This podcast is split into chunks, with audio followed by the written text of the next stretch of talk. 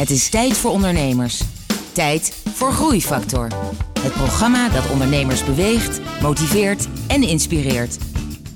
Hier is Kees de Jong, groeiondernemer en verbonden aan NL Groeit. Hoe je 25.000 foto's per dag kan bewerken. Hoe moet je vooral niet in Amerika beginnen? En wat doe je als een van je partners een burn-out krijgt en het bedrijf verlaat?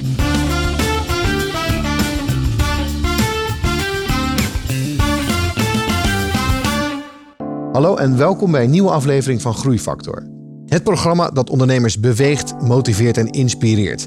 Met een openhartig gesprek met een inspirerende ondernemer. En vandaag is dat David Jonkers. David, welkom. Dankjewel. We gaan het hebben over je hoogtepunten, over je dieptepunten, je ondernemersreis, hoe je daarmee om bent gegaan. En David, jij bent van Mr. Clipping. Je, je moet zelf even uitleggen wat dat is, alsjeblieft.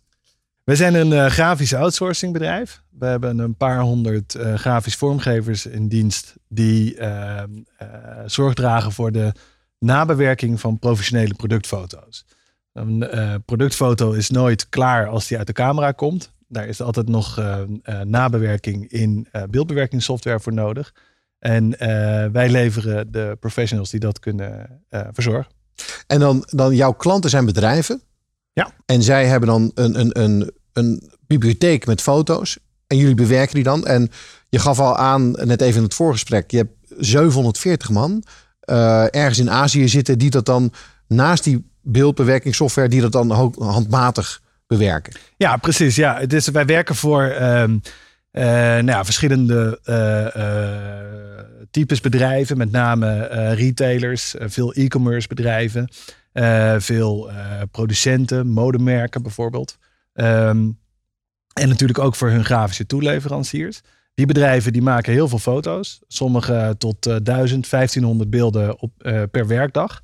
Um, die beelden die um, worden eigenlijk via onze, via onze infrastructuur verspreid over onze productielocaties in, in Azië. daar wordt de beeldbewerking gedaan. Hè? En dat is dus uh, het, wat onze mensen doen, is vooral um, het bedienen van de software. Ik krijg natuurlijk veel de vraag van, hè, kun je dat niet automatiseren? Um, wij bieden de geautomatiseerde oplossing. Alleen die uh, heeft een operator nodig, die gewoon precies in een foto aangeeft welke bewerking op welke plek moet worden uitgevoerd. Um, en als we daarmee klaar zijn, dan, uh, dan worden de beelden weer teruggestuurd naar onze klanten. En dat proces, dat is echt helemaal geïntegreerd in, uh, in het proces van onze klanten. En, en jouw klanten zitten wereldwijd? Ja, absoluut. Ja. Oké. Okay. Op dit moment komt onze, onze grootste klantengroep komt uit Amerika. Oké. Okay. Je bent in 2010 begonnen met dit bedrijf. Uh, nu ben je Mr. Clipping, maar dat word je niet zomaar. Daar is een hele reis aan vooraf gegaan. hoe, hoe is het begonnen? Hoe is jouw ondernemerscarrière begonnen? Ja, dat is een vrij lang, lang verhaal. We zijn uh, in 2002 ben ik begonnen. Um, eigenlijk toen twee uh, vrienden van mij die op dat moment bij reclamebureaus werkten, me benaderden om mee te doen met het opzetten van een marketingcommunicatiebureau. Um, en was jij student toen of was jij al werkzaam? Nee, ik was, ik was afgestudeerd. Ik heb um, uh, in totaal tien maanden een, een, een, baan gehad. Overigens een hele leuke baan. Alleen ja, ik werd hiervoor gevraagd en nou, dat klonk allemaal heel spannend en, uh, en leuk. En uh, dat zijn we gaan doen. Uh, dat was in die beginjaren echt uh, best wel kneuterig eigenlijk. We waren een marketingcommunicatiebureau, maar de, de, hoe oud waren we? 5, 26. Dus echt strategisch advies namen mensen nou niet bepaald van ons aan. Ik zal nooit vergeten dat we op een gegeven moment een, een, een, een huisstijl hadden ontwikkeld. En de bestanden daarvoor naar de drukker hadden gestuurd. En dat die drukker ons opbelde uh, met de boodschap of de vraag eigenlijk. Op de plek waar jullie nu het logo van je klant hebben gezet uh, op de envelop. Daar plakken mensen doorgaans de postzegel. Dus dat, dat, dat was toch niet zo, niet zo heel professioneel. Um, we zijn toen eigenlijk gaan, gaan zoeken naar een stukje onderscheidend vermogen. En dat hebben we gevonden in het geautomatiseerd opmaken van publicaties. Met name catalogie. Hè, dat was in, in, in 2002. Nu klinkt dat heel, uh, heel, heel simpel. Maar in 2002 was dat best nieuw. Was het een hot en sexy uh, Ja, precies. Ja. ja. Dus, uh, en dat, dat was dan gewoon echt een database met productfoto's en productinformatie. Die we koppelden aan een pagina template. En zo ja. konden we een soort van semi-geautomatiseerd catalogie opmaken. Ja. Nou ja, zo liepen we aan tegen klanten met heel veel producten. En dus met heel veel productfoto's. En, dat ehm, was al de aanzet tot wat ja, je nu hebt precies. met Mr. Clipping. Ja, ja we, zijn dus de, we zijn dus de eerste jaren daarmee mee gewoon aan de slag gegaan in onze studio hier. En dan hadden we mensen in dienst van het Grafisch Lyceum die vier jaar hadden geleerd om mooie dingen te maken. En die het idee hadden dat ze, dat ze, dat ze art director of vormgever voor spannende merken werden. Die zaten eigenlijk de hele dag eh, repeterend werk te doen. Eh, de, het uitknippen van objecten in foto's, Ja. kleuren op te poetsen, dat soort werk. En die vonden dat niet zo spannend. Onze klanten vonden het niet zo leuk om daar eh, Nederlandse uurtarieven voor te betalen. En zo zijn we dus tegen dat outsourcing model eh, eh, aangelopen. En eigenlijk van Lieverlee ehm, ehm, is dat gegroeid tot onze eerste, tot onze eerste focus. Ja. Dat heeft jaren geduurd. En je zei 2010, we hebben geloof ik in 2006 het bedrijf ingeschreven. Maar het heeft gewoon jaren, Ah, was het een idee eigenlijk. Waar we niet zoveel mee deden. Dus dat is in 2006 begonnen. Maar die eerste jaren heb je dus van alles gedaan met dat, met dat bureautje. Dat waren jouw eerste schreden op het ondernemerspad. Ja. Hoe, hoe beviel dat? Nou, dat, dat, dat, eh, met vallen en opstaan ging dat wel hoor. Dat was eh, ehm, eh, bij Vlagen heel erg leuk. Eh, ehm, als we bezig waren met, met, met fotoshoots voor eh, eh, een klant als Lycos. Eh, dat was toen eh, ja, een sexy internet eh, ja, eh, merk. En eh, daar hebben we heel veel voor gedaan. En dat was, eh, dat was heel erg leuk. Maar ehm, wat we heel erg zagen in, ehm, eh, in dat bedrijf... was eigenlijk dat we een opdracht binnenhaalden... en daarna heel hard moesten werken om die opdracht uit te voeren. Want dat deden we ook zelf. En vervolgens stond de omzet weer stil stond- daarna. Precies, ja. Dus je had een, echt een heel golvend patroon in je, in, in je omzet. En ehm, nou, dat, dat, gaf, dat gaf wel onrust. Hè, dus, dat, dat, dus dat sowieso merkten we dat er weinig schaalbaarheid in zat. Goede mensen aannemen was heel erg moeilijk. De, die konden we deels niet betalen. Deels begonnen ze of voor zichzelf in, in die sector. Of werkten ze bij een groot bureau eh, eh, op de gracht eh, voor de, de, de, de grote aanmerken van deze wereld. Dus dat was heel erg moeilijk om daar solide groei in te krijgen. En ja, er, er kwam natuurlijk ook gewoon heel veel stress en onzekerheid uit die golfbeweging in, in de omzet. Ja. En Lycos was dus een hele grote klant. Op een gegeven moment, ik geloof dat ze op het toppunt iets van eh 40, 45 procent omzetaandeel hadden. Ehm, en, ja, en die stopte ermee. En die stopte ermee. ja, die, die raakten we echt kwijt. Waardoor je in één keer zo'n terugval had in omzet. Nou, dat waren spannende maanden natuurlijk. Dat eh, was niet Had, had je trouwens ondernemersbloed in je? Ehm, nou ja, eh, mijn, mijn ouders, eh, mijn, mijn, mijn moeder is jurist en mijn vader natuurkundige. Dus, Ja, eh, dus antwoord is daar, eh, nee. het antwoord is nee. Maar we hebben wel veel ondernemers in de familie. Dus ja, en, en, en, en, in, de, in een hoop apothekers, voor zover dat geldt als, Ja. als ondernemers. Maar 40% van de omzet valt weg. Je, je hebt een, vier, drie partners had je. Nee, we waren met z'n drieën. Ja, Dus jullie waren met z'n ja, drieën, dus, ja. dus je kijkt die andere twee aan. Ja. En, en dan? Ja, de, de, alle hands aan dek. Het is echt. eh, wij, eh, de, we hebben toen echt gewoon letterlijk bekeken van hoeveel, hoeveel buffer hebben we nog? Hè? Hoe, eh, hoe lang kunnen we dit uitzingen? Nou, eh, gelukkig de, de, die, die, die jaren met, waarin we voor Lycos werkten, waren wel gezond financieel. Dus we hadden wel wat spek op de botten. Ja.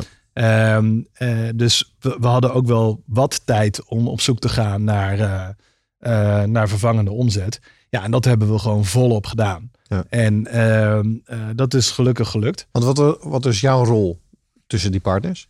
Eh, in het bureau was mijn rol, eh, ja, die noemden we Client Service eh, Director. Ja. Maar dat was primair sales. Ja. Eh, dus ik was echt de commercieel eindverantwoordelijke. Dus het was ook nog eens een keer jouw probleem om die nieuwe omzet te, te vinden. Eh, Tot op zekere hoogte wel. Maar we hebben dat wel echt altijd met z'n drieën eh, aangepakt. Het was nooit zo dat, eh, ehm, eh, dat mijn partners een arm over elkaar deden en naar mij keken.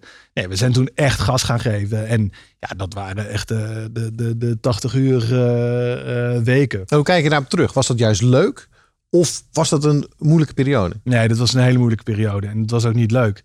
En ehm, ik denk dat een grote fout is die we, die we hebben gemaakt. Hè? En die we, waardoor we juist waar we toen heel erg in geforceerd zijn. In eerste instantie waren we zeg maar zo afhankelijk van Lycos. Dat we eigenlijk als Lycos in zijn handen klopte, eh, klapte, dan ehm, sprongen wij eh, in de houding. Ja. En draaide eigenlijk het hele bedrijf om Lycos tevreden houden. En toen dat wegviel, draaide het hele bedrijf om zo snel mogelijk eh, weer zoveel mogelijk omzet te genereren. En dat leidt natuurlijk ook heel erg tot korte termijn beslissingen. En zeker in, in als, als marketing-communicatiebureau. Ja, we zijn toen gewoon een veel te breed spectrum van diensten eh, gaan aanbieden. Waardoor we niet goed genoeg werden. En dat was ook het mooie, of waardoor we niet goed genoeg waren in al die diensten eigenlijk. Hè? Dat was, ja. Um, dus eigenlijk een belangrijke strategische fout gemaakt. Ja, in Behalve dan, je moest iets doen om te overleven. Ja, je, je, je werd geforceerd eigenlijk door uh, het gebrek aan omzet om gewoon een soort van pakken wat je pakken kan beleid te voeren. Hoe is dat verder gegaan? Nou ja, dat, is, dat, dat was dus voor Mr. Clipping. Hè? Dat was bij het, bij het, bij het vorige bedrijf. En eigenlijk is Mr. Clipping uh, daar uiteindelijk het resultaat van geworden. Omdat wat wij ons beseften was dat we, um, dat we op zoek moesten naar iets dat schaalbaar was waarin we konden groeien. Dat we op zoek moesten naar een specialisme. Um, dat we echt iets wilden claimen uh, waarvan we zeiden, hier zijn wij het beste in. Hiervoor moet je bij ons zijn. En uh, dat we echt af wilden van maar, maar, maar dat leuren met je portfolio. En op basis van de namen van, um, uh, van, van je klanten proberen je voet tussen de deur te krijgen bij marketingafdelingen van, van andere bedrijven. We wilden gewoon dat we zo'n goed zo'n goede propositie hadden dat bedrijven ook ons vonden. Hoe, hoe, hoe, kwam dat? Hoe, hoe, kwam dat inzicht? Zaten jullie bij elkaar op de hei en dan nadenken over de toekomst? Of kwam één met het idee? Of was het misschien een adviseur die dat tegen jullie zei? Hoe kwam je aan het inzicht? Nee, ja, dat is, dat is denk ik een dynamisch proces geweest. Waar we echt uh, uh, ingegroeid zijn. Kijk, toen Mr. Clipping begon, dat was ook het moment Ehm, waarop de, de, de vierde partner, eigenlijk de, de oprichter van Mr. Clipping, van buiten het bureau aan boord kwam. En ehm, hij had een achtergrond in grafische outsourcing. En hij was eigenlijk tegen zijn eigen complexiteiten aangelopen. En we kwamen een soort van samen. Ehm, eh, in wij met, met, met onze problemen, hè, het gebrek aan, uh, aan schaalbaarheid, het, ehm, de, de moeilijkheid van die, van die omzetgolf, omdat je zelf ook je productiemiddel bent. Mhm. Dus als je een project had binnengehaald, moest je het gaan maken. Um, hij, de vierde oprichter van, uh, van Mr. Clipping, die dus al met, met grafische outsourcing bezig was, die um, was er tegenaan gelopen dat creatief en arbitrair werk, uh, grafisch werk, zich niet leent voor outsourcing. Dat uh, de, de plekken waar hij zat met zijn productiecapaciteit, dat de internetinfrastructuur daar niet goed genoeg En voor de duidelijkheid, outsourcing is het gewoon laten fabriceren in een lage loonland. In ja. de Filipijnen of in Bangladesh of... Offshore outsourcing, ja, inderdaad. Precies. En um, uh, Pieter Bas, zo, zo, zo heette de, de vierde oprichter van Mr. Clipping. Um, en ik kennen elkaar uit onze studententijd. En wij zaten op een avond... Uh, ja, dat, dat, kan bijna niet uh, traditioneel. Het bierveeltje komt ook nog uh, in de bar. Nou, het bierveeltje niet. Maar uh, wij zaten, wij zaten een, wat te drinken in een, in een café. En we, ja, die, de problemen die wij hadden en de problemen die hij had, die pasten heel mooi over elkaar. En daar kwam dus nog bij dat wij ook een, een, een groot stuk van onze klanten hadden ge, geworven met dat geautomatiseerde opmaken van publicaties. Waardoor we dus veel klanten hadden die veel productfoto's hadden. En we eigenlijk uh, samen uh, tot de conclusie kwamen dat juist dat stukje, dus de grafische outsourcing voor de nabewerking van die productfoto's, dat dat zich heel goed leende voor een, eigenlijk een apart businessmodel.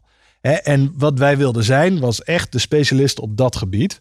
Um, in die tijd richten we ons vooral op het, uh, op het vrijstaand maken van foto's. Inmiddels doen we echt uh, de meest complexe uh, beeldbewerking die je maar kunt voorstellen. Maar toen richten we ons echt op dat vrijstaand maken. Dat doe je met een tool dat heet een clipping pad. Ja. En, daar en het vrijstaand maken, dat wil zeggen dat je de achtergrond wegpoetst van de foto. Ja, dat je het product je eigenlijk. Het, het, gefotografeerde object van zijn achtergrond. En dat doe je dus met een tool die een clipping pad heet. Ja. En omdat we dus echt die specialist wilden worden, zeiden we Mr. Clipping. En daarmee al aangegeven, dat is het model. En niet alles wat de klant vraagt, maar Mr. Clipping, ja, dat is... Precies, ja. En inmiddels dekt dat de lading van wat we doen niet meer, uh, niet meer volledig. Omdat we dus nu juist die, ons ja. juist richten op die hele complexe beeldbewerking in grote volumes. En uh, dan nog even technisch gezien. Je had een nieuwe partner. Ging je verder met het oude bedrijf onder een nieuwe naam? Of had je een nieuwe BV opgericht? En wat deed je met je andere activiteit? Nee, we hebben dus een nieuwe BV opgericht. Um, waarbij we die, die, uh, die liep dus eigenlijk een tijd naast uh, uh, het bureau. En nou ja, dat leidde tot heel veel complexiteiten. Hè. De, de, waar besteed je je aandacht aan? Um, ga je bouwen aan iets nieuws of steek je je vingers in de dijk? Um, in het, uh, in het bestaande Ja. eh, bureau. Hoe, heeft ook met energie te maken, denk ik. Waar, word je blij van? Waar word je precies, waar word je blij van? Maar, maar ook waar, wat betaalt op dat moment de rekening. Hè? Dus Ja. dat, is, dat is echt een spanningsveld. En je kunt je voorstellen dat het bureau eh, die rekening betaalde en ik blij werd van Mr. Clipping. Ja. Dus dat die. Dit is wel een universeel probleem overigens, wat heel veel ondernemers hebben. Omdat je dan, je kan toch niet zomaar afscheid nemen van die, van die omzetgenererende oude business. Ja, dat klopt. Dat klopt. En dat is bij ons ook heel geforceerd gegaan uiteindelijk. Hoe dan? Ehm, nou, de, de, de, de crisis kwam eraan. 2000, eh, 2008. Een eh, externe Ja, forcering. En er een beetje bij geholpen, ja. Nee, in 2008, eh, eh, 2007 was het beste jaar dat we met het bureau eh, eh, hebben gedraaid. Eh, dik door het miljoen in, eh, in omzet. En eigenlijk begon dat vanaf 2008 eh, terug te lopen. En ehm, dat werd, werd steeds eh, eh, problematischer. En we zagen wel een uitweg. We hadden al een nieuwe focus gevonden. We hadden al nieuwe mensen aangetrokken.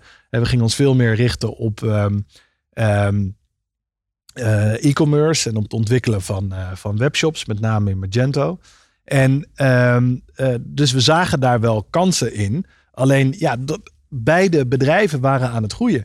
En beide bedrijven vergden, of althans Mr. Clipping was aan het groeien. Ja. En eh, JPG vergde gewoon heel veel aandacht Ja. in die transitie naar een nieuwe dienstverlening. En daar kwam steeds meer druk op te staan. Eh, zeker toen in de, in de crisis sowieso budgetten terugliepen en de omzet daar heel erg terugliep. Dus wat deed je? Uiteindelijk hebben we het bedrijf eh, tussen twee hele grote aanhalingstekens verkocht aan een ander bureau. ehm, dat, ehm, dat het eigenlijk helemaal heeft ingepast ehm, in, eh, in, in hun diensten. En eigenlijk gewoon de mensen, de klanten overgenomen Precies. Ja. tegen een heel laag bedrag, vermoed ik zo. eh. En Tegen, eh, ik, ik weet nog dat het een lieve somma van 4 euro was. Ja. Dus Maar daar goed, jullie samen- echt voor iedereen beter. Samen één kop koffie voor gekocht. Ja, precies. Ze zijn, ja, en een roze koek. Maar, Nee, toen, maar toen kon je door. Dus, Ja. dus toen kon je door met het nieuwe bedrijf. Met hoeveel mensen begon je dat nieuwe bedrijf? Nou, de, over het oude bedrijf. Het oude bedrijf kon ook door. Hè? Dat is Mhm. belangrijk om te, om te weten. De, de, de mensen die er werkten, konden er blijven werken. Ja. Dat was, Ja. eh, dat was eh, natuurlijk belangrijk. Eh, met het nieuwe bedrijf zijn we. eh, ik denk dat we op dat moment zaten op een. Nou, toch ook op een man of acht, negen. Hè, dus dat- er zat toen echt al, al wat, wat, wat Ja. tractie in. En dat is ehm, eh, natuurlijk ook gekomen vanaf het moment dat even daarvoor de investeringsmaatschappij aan boord is gekomen. Ja. Oh, dat is een nieuw eh, element. Die investeringsmaatschappij. Want dat wil zeggen, dan had je al een goed plan hè, om iemand te overtuigen van oké, dit gaat hem worden. Ja, dat is ook. Kijk, dat was ook de moeilijkheid op dat moment. En dat lost ook tegelijkertijd je probleem op dat je geen geld had om, de, hè, om je eigen kosten en salarissen uit te betalen. Precies. En dat is dus ook waarom het wel gelukt is om het een aantal jaar naast elkaar te, staan, Ja. eh, te hebben staan. Die, de, de verkoop van Van welke investeringsmaatschappij was dat? Dat was in, eh, ICN, Informal Capital Network. Oké, dus dat was een inform, in- informal investor plus, zeg maar. Ja, nou ja, wel plus plus, durf ik te zeggen. Het is de, eh, de eh, investment manager met wie we te maken heb- hebben. Die komt van de investment bank van RBS. Die heeft zijn, zijn, zijn, Ja. zeg maar, zijn ervaring in, in Londen opgebouwd. Het is wel een professionele club. En op welk verhaal zijn zij ingestapt? Ehm, ik denk op de schaalbaarheid en de, de, de kansen die wij, ehm, eh, waar wij geld voor zorgden. We zochten geld om eh, de internationale uitrol te kunnen, eh, te kunnen financieren. En we konden best goed onderbouwde ehm, berekeningen neerleggen van de marktomvang in bijvoorbeeld Amerika. En ja, dat was, dat was een interessante opportunity voor ze. Althans, kennelijk. Groeifactor is een initiatief van MKB Brandstof. Ga naar mkbbrandstof.nl voor nog meer openhartige verhalen van inspirerende ondernemers. Groeifactor inspireert ondernemers. Ik ben in gesprek met David Jonkers van Mr. Clipping. Eh, David, we zouden het over je successen hebben. Ehm een van de successen is dat jullie nu de Amerikaanse markt hebben veroverd. Jullie, Ja. Dat is jullie grootste markt. Ja. Maar dat is niet zomaar gegaan. Nee, bepaald niet. Nee. Ehm, nee, ja, de, de, we, zijn daar, ehm, eh, we zijn daar eigenlijk eh, met het huidige team voor de derde keer opnieuw begonnen. Zo moet je het eigenlijk zien. We hebben ehm, twee pogingen gedaan die, die, die echt zijn mislukt en die ook heel veel geld eh, hebben gekost. Oké, dus laat me raden. Je hebt een Amerikaan gevonden. Ja. De Amerikaan, Amerikaan. ja, ja. En we zijn echt, we zijn ook wel, eh, eh, de- de- we moesten een drempel over om ons zeg maar, aan te passen aan het salarisniveau in, eh, in New York. Maar wat, wat bracht hij? Ehm, hij, bracht, hij bracht ervaring. Hij bracht het, het, de, de, de brug eigenlijk tussen onze bedrijfscultuur en de Amerikaanse bedrijfscultuur. Ehm, of dat nou ging om onderhandelingen over algemene voorwaarden met legal departments, of dat het ging om ehm, de, de tone of voice in, in de gesprekken met de studio's van, eh, van onze klanten. Ehm, hij bracht ook eh, andere goede mensen. Dat is, dat is ehm, Hij bracht zijn netwerk van mensen. En, ja, precies. Hij en in, de, in, de, in het recruteren van, eh, van de andere mensen heeft hij gewoon een hele belangrijke rol gespeeld. Hij, hij maakte eigenlijk dat we van een of andere obscure eh eh, oversea-partij ehm, gewoon een, een, een, een blitse Amerikaanse start-up werden. Ik zeg blitz en ik realiseer me dat blitz niet zo'n blitzwoord meer is, maar je snapt wat ik bedoel. Nee, we, het, het, we werden echt ehm, we we werden een, een sexy start-up Ja. waar we een, een obscure overzeese partij waren. Oké. Dus voor de ondernemers die nu luisteren, die nu overwegen om naar Amerika te gaan of naar een andere markt, even de, de, de stappen. Ja, nou, eh één is eh, doe, je, doe je marktonderzoek. Ja. Ehm, en denk heel goed na over waar je wil zitten. Besef dat Amerika niet Amerika is. Wij zitten in New York. Het gros van onze Amerikaanse klanten komt ook echt uit New York. Ja. Eh, dat is heel grappig. Ik was er toevallig vorige week en ik sprak met een klant en die gaf zeg maar, het feit dat wij zo lokaal zijn aan als een belangrijk punt om voor ons te kiezen. Terwijl we toch ja, als bedrijf vrij Ja. tegenovergestelde van lokaal eh, zijn. Maar ehm, dus denk heel goed na over waar je gaat zitten. Ehm, werk met Amerikanen. Dat is echt de belangrijkste les Ja. die wij eh, de hard way hebben, hebben geleerd. En, en betaal ze ook En betaal ze marktconform. de beste. Ja, precies. Betaal ze marktconform. En pas je propositie, of het nou je algemene voorwaarden, je website teksten, je, eh, je, je, je, je, je bedrijfsprocessen, pas het aan aan eh, hoe, het, hoe het daar georganiseerd is in jouw markt. Eh, David, volgens mij is het pad naar waar je nu staat in 2016 is niet zo makkelijk geweest. Eh, je hebt ook nog wat tegenslagen gehad. 2014, kan je daar iets over vertellen? Ehm, ja, wat er in 2014 eh, gebeurde is dat eh, eh, een van onze oprichters, een van eh, mijn partners, ehm, een, een, de- die heeft een burn-out gekregen. Ehm, en ehm, hij heeft eh, toen aangegeven dat hij eh, eigenlijk wilde, wilde vertrekken bij het bedrijf. En ja, dat is natuurlijk een heel moeilijk en emotioneel proces geweest. En, wat deed dat met jou en met het bedrijf? Nou ja, kijk, dat is, dat is eh, voor, het, voor het team is dat natuurlijk heel ingrijpend. Je hebt, we, we waren met z'n vieren als, als oprichters. En eh, op dat moment vormde ook met z'n vieren de directie natuurlijk. En ehm, de teamdynamiek wijzigt dan heel sterk. En ehm, eh, dat, dat, dat heeft eh, best wat tijd gekost om daar weer een nieuwe, nieuwe balans in te vinden. En om te komen tot de juiste nieuwe rolverdeling omdat het natuurlijk gewoon een, ja, fulltime directielid uh, Ja. uh, niet En- meer. en niet een meer vriend ook van je. En een vriend, ja. Ja. ja. En hij is uit het bedrijf gegaan. Ja. En eh, heeft dat impact gehad op de groei ook? Eh, wat het heeft gedaan voor de, eh, voor de groei, is dat het uiteindelijk heeft geleid tot een betere teamdynamiek. Uiteindelijk zijn we gekomen tot een betere taakverdeling en, en ook wel ehm, tot vragen binnen het team die we onszelf zijn gaan stellen op het moment dat hij wegging. Over wat is hier nou misgegaan? Hè, wat, hoe, hoe hebben wij nou gewerkt? Of hoe werken wij nou eigenlijk? Ehm, eh, halen we wel het beste uit elkaar? Hoe gaan we met elkaar om? En, en, en, en hoe, hoe goed hebben we dat, eh, hebben we dat staan? Nou, eh, vaak zie je ook dat, dat je als ondernemers ander gedrag moet vertonen in andere fasen van je onderneming. En- En dus je moet eigenlijk een fase vooruit zijn om je onderneming mee te trekken. Je moet minder gaan micromanagen, je moet meer gaan leiden, je moet meer. Was dat ook onderdeel van, van die fase? Dat jullie eigenlijk jezelf opnieuw moesten uitvinden? Precies. Ja, kijk, hij, hij, ehm, eh, wat- er gebeurde was, eh, wat het inzicht dat wij kregen, was dat de werkdruk gewoon heel erg hoog was. Hè, en ehm, eh, je, je, je weet en je, je leest in boeken en je spreekt met mensen en je weet dat je op een gegeven moment in een fase aan het komen bent dat je moet gaan delegeren en dat je moet gaan loslaten. En dat probeer je naar eer en geweten, maar dat is gewoon dat is moeilijker, eh, dat is moeilijker uh, in, in de praktijk te brengen dan dat het is om je dat voor Ja. te nemen.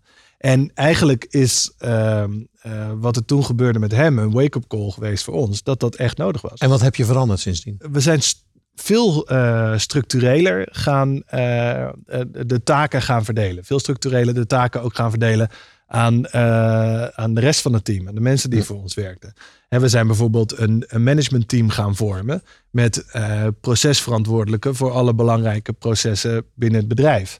Ehm, we, dat, dat, dat noemen we nu het MT.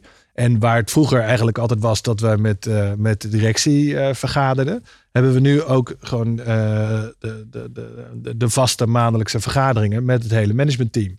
Waarin iedereen aangeeft wat zijn prioriteiten zijn, waarin iedereen aangeeft wat, wat de problemen zijn waar die eh, mee geconfronteerd wordt. En waar we zeg maar, gezamenlijk denken over hoe je daarmee om kunt gaan. En hoe heb je dat uitgevonden dat dat het juiste model was? Dat je dus veel meer mensen erbij moest betrekken. Dat je dus inderdaad een maandelijks ritme moest hebben. En misschien wel wekelijks. Nou, ehm, wij zijn. eh, eh, de, de- het, startpunt daarvoor is wel het besef geweest. ehm, eigenlijk de alarmbel die is afgegaan Ja. toen, toen onze partner vertrok. Ehm, en toen zijn we gaan nadenken over ehm, hoe moet het nou verder. Ehm, en en eh, zijn we uitgekomen bij een partner die ons heeft geholpen met het implementeren van een, eh, van een groeimethodiek. Ah, Oké. Raar eigenlijk hè? Dat het eerst mis moet gaan. Ja, ja, ja. Nou ja, goed. de- Kijk, achteraf zijn er heel veel signalen geweest. En, en hebben we, hadden we dit veel eerder moeten, moeten signaleren. Dat is ook echt iets wat, eh, wat we onszelf kwalijk nemen. Ehm, maar ja, achteraf is, eh, is makkelijk praten. Maar het moet vaak als ondernemer moet het je eerst overkomen zijn. En de volgende keer herken je het. En dan zie je wat er aan de hand is. Ja. Eh, Meestal als je iemand hebt aan de buitenkant van de organisatie, een adviseur of misschien ook wel zo'n zo'n investeerder of misschien een, een mentor, die, die signaleert dat. Heb jij dat niet gehad? Nou, de, de, de, de investeerder is daar, eh, heeft daar een hele belangrijke rol in gespeeld. Kijk, die kan natuurlijk niet echt een mentor of een coach zijn, omdat hij ehm, Belangen heeft. Omdat hij een Ja. belang heeft. Ja. Hè? Hij, is, hij is niet belangeloos. Maar hij heeft wel echt altijd heel bewust die rol gezocht. En ehm, nou ja, bijvoorbeeld in dat voorbeeld waar we het net over hadden... bij die derde poging om in Amerika eh, eh, nog een keer eh, te starten. Waar hij aanvankelijk niet enthousiast over is. Heeft hij ons eh, over was. Heeft hij ons wel de ruimte gegeven om dat, eh, om dat te doen. Ja. Dus hij heeft eigenlijk altijd die, die rol gepakt. Op dat moment had ik niet echt een, een, een coach. Heb je nu een coach? Ja, ik heb nu een, eh, een coach. Oké. Ja. En, en hoe werkt dat? Wat voor interactie heb je met hem? Met haar. Oh. is een vrouw. Eh, ik, heb, eh, ik, ik, ik spreek, nou, ik denk één keer in de, in de zes weken met haar. Eigenlijk op een, op een hele ehm, informele en, en, en niet gestructureerde manier. Het is niet dat we nou een bepaald eh, eh, proces of format eh, aanhouden. Eigenlijk is het startpunt dat ze altijd vraagt hoe het gaat. En dat ik juist ook wel omdat ik bij haar ben als, als, als, of met haar spreek als mijn coach. Dat ik daardoor ook heel direct eh, ter zake kom eigenlijk over ja, welke knelpunten ik op dat moment eh, heb. En eigenlijk is haar rol, zij stelt vragen. Het is niet zo dat ze, dat ze voorkoudt wat ik... eh, wat zij nou denkt dat ik moet doen. Of, of zegt, oh, zit je daar en daar? Nou, dan moet je nu zus en zo en hier en daar. En Dat zeggen ze wel eens, hè? dat een coach eigenlijk gewoon een vraag stelt op, en jezelf de antwoorden laat geven Ja, op je eigen ja, vragen. ja, Is het zo simpel? Nou ja, de- eh, de- ja zo simpel. Maar ik denk niet dat het zo simpel is om de juiste vraag te stellen. Dat is misschien wel het moeilijkste wat er is.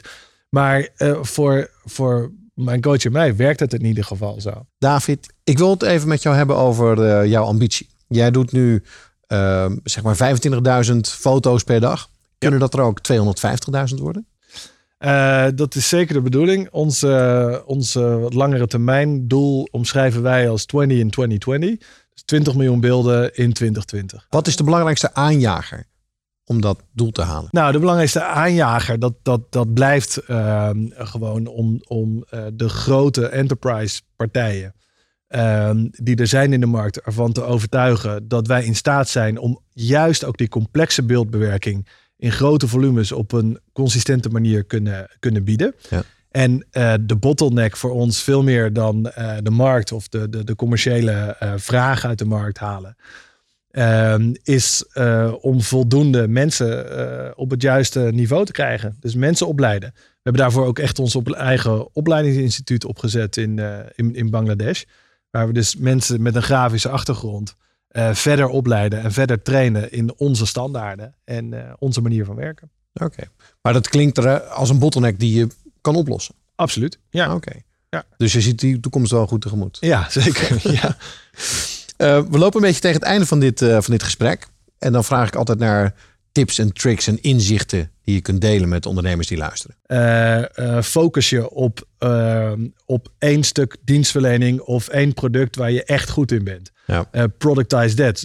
dat. dat gerommel in het begin. Uiteindelijk precies, één ding kiezen dat je kan schalen. Dat je, waar, wat je schaalbaar krijgt en waar je echt goed in bent. Stop dat in een doos. En neem afscheid van die omzet zo snel mogelijk. Precies. Dat, dat pakken wat je pakken kan beleid is echt verkeerd. Dat is één. Dat is tip één. Tip twee is als je wil groeien zul je moeten delegeren zul je ook de dingen waar je wel de beste in bent aan anderen moeten overlaten. En, als dat... en het symptoom is dat je te hard werkt. Precies. Ja. Als, je, uh, de, de, als je echt naar die, door, die, door die 60, 70 uur heen gaat, dan gaat het echt niet goed. Dat is gewoon niet de bedoeling. Tip 3. Uh, tip 3 is hoe, hoe, hoe plat die misschien ook klinkt. kijk naar die cash. Kijk naar gewoon hoe je de dingen, hoe je de simpele stapjes die je kunt zetten om meer cash te genereren. Want uiteindelijk is het zo dat een tekort aan cash je dwingt korte termijn beslissingen te nemen. Dat dwingt je, als er geen geld is, dwingt het je om omzet te accepteren die, waarvan je eigenlijk weet, dit past zo niet bij ons, niet in ons proces. Uh, dit zorgt alleen maar voor hoofdpijn. Maar je moet het wel accepteren, want je hebt het geld gewoon nodig. Ja. Dus, uh, Tip 4, die kwam ook nog een beetje langs zij. Ik vul hem alvast voor je in. Die coach en die mentor. Ja. Uh, die je als ondernemer verder kan helpen? Ja, ja, nou ja, praat met een coach. Praat met iemand die er, uh, die er echt goed in is om jou de juiste vragen te stellen. Omdat die je gaat helpen jezelf uh, echt te ontwikkelen en het ja. beste uit, je, uit jezelf te halen. En dan doen we tip 5 als, als afsluiter. De bonus tip. Blijf leren en, en, en, en lees. Lees over je gebied. Lees over, over hoe je een bedrijf laat groeien. En zorg dat je continu blijft leren. Ja. Nou, David, ik vond het een, uh, een mooi gesprek. En hopelijk horen andere ondernemers dit ook en denken van ja, potverdorie, dat, dat heb ik ook. Zo'n enorme uitzondering ben je niet. nee. ik wil je enorm bedanken voor dit gesprek, uh, David. allemaal bedankt voor het luisteren naar Groeifactor. Voor nu nog een fijne dag en graag tot de volgende keer.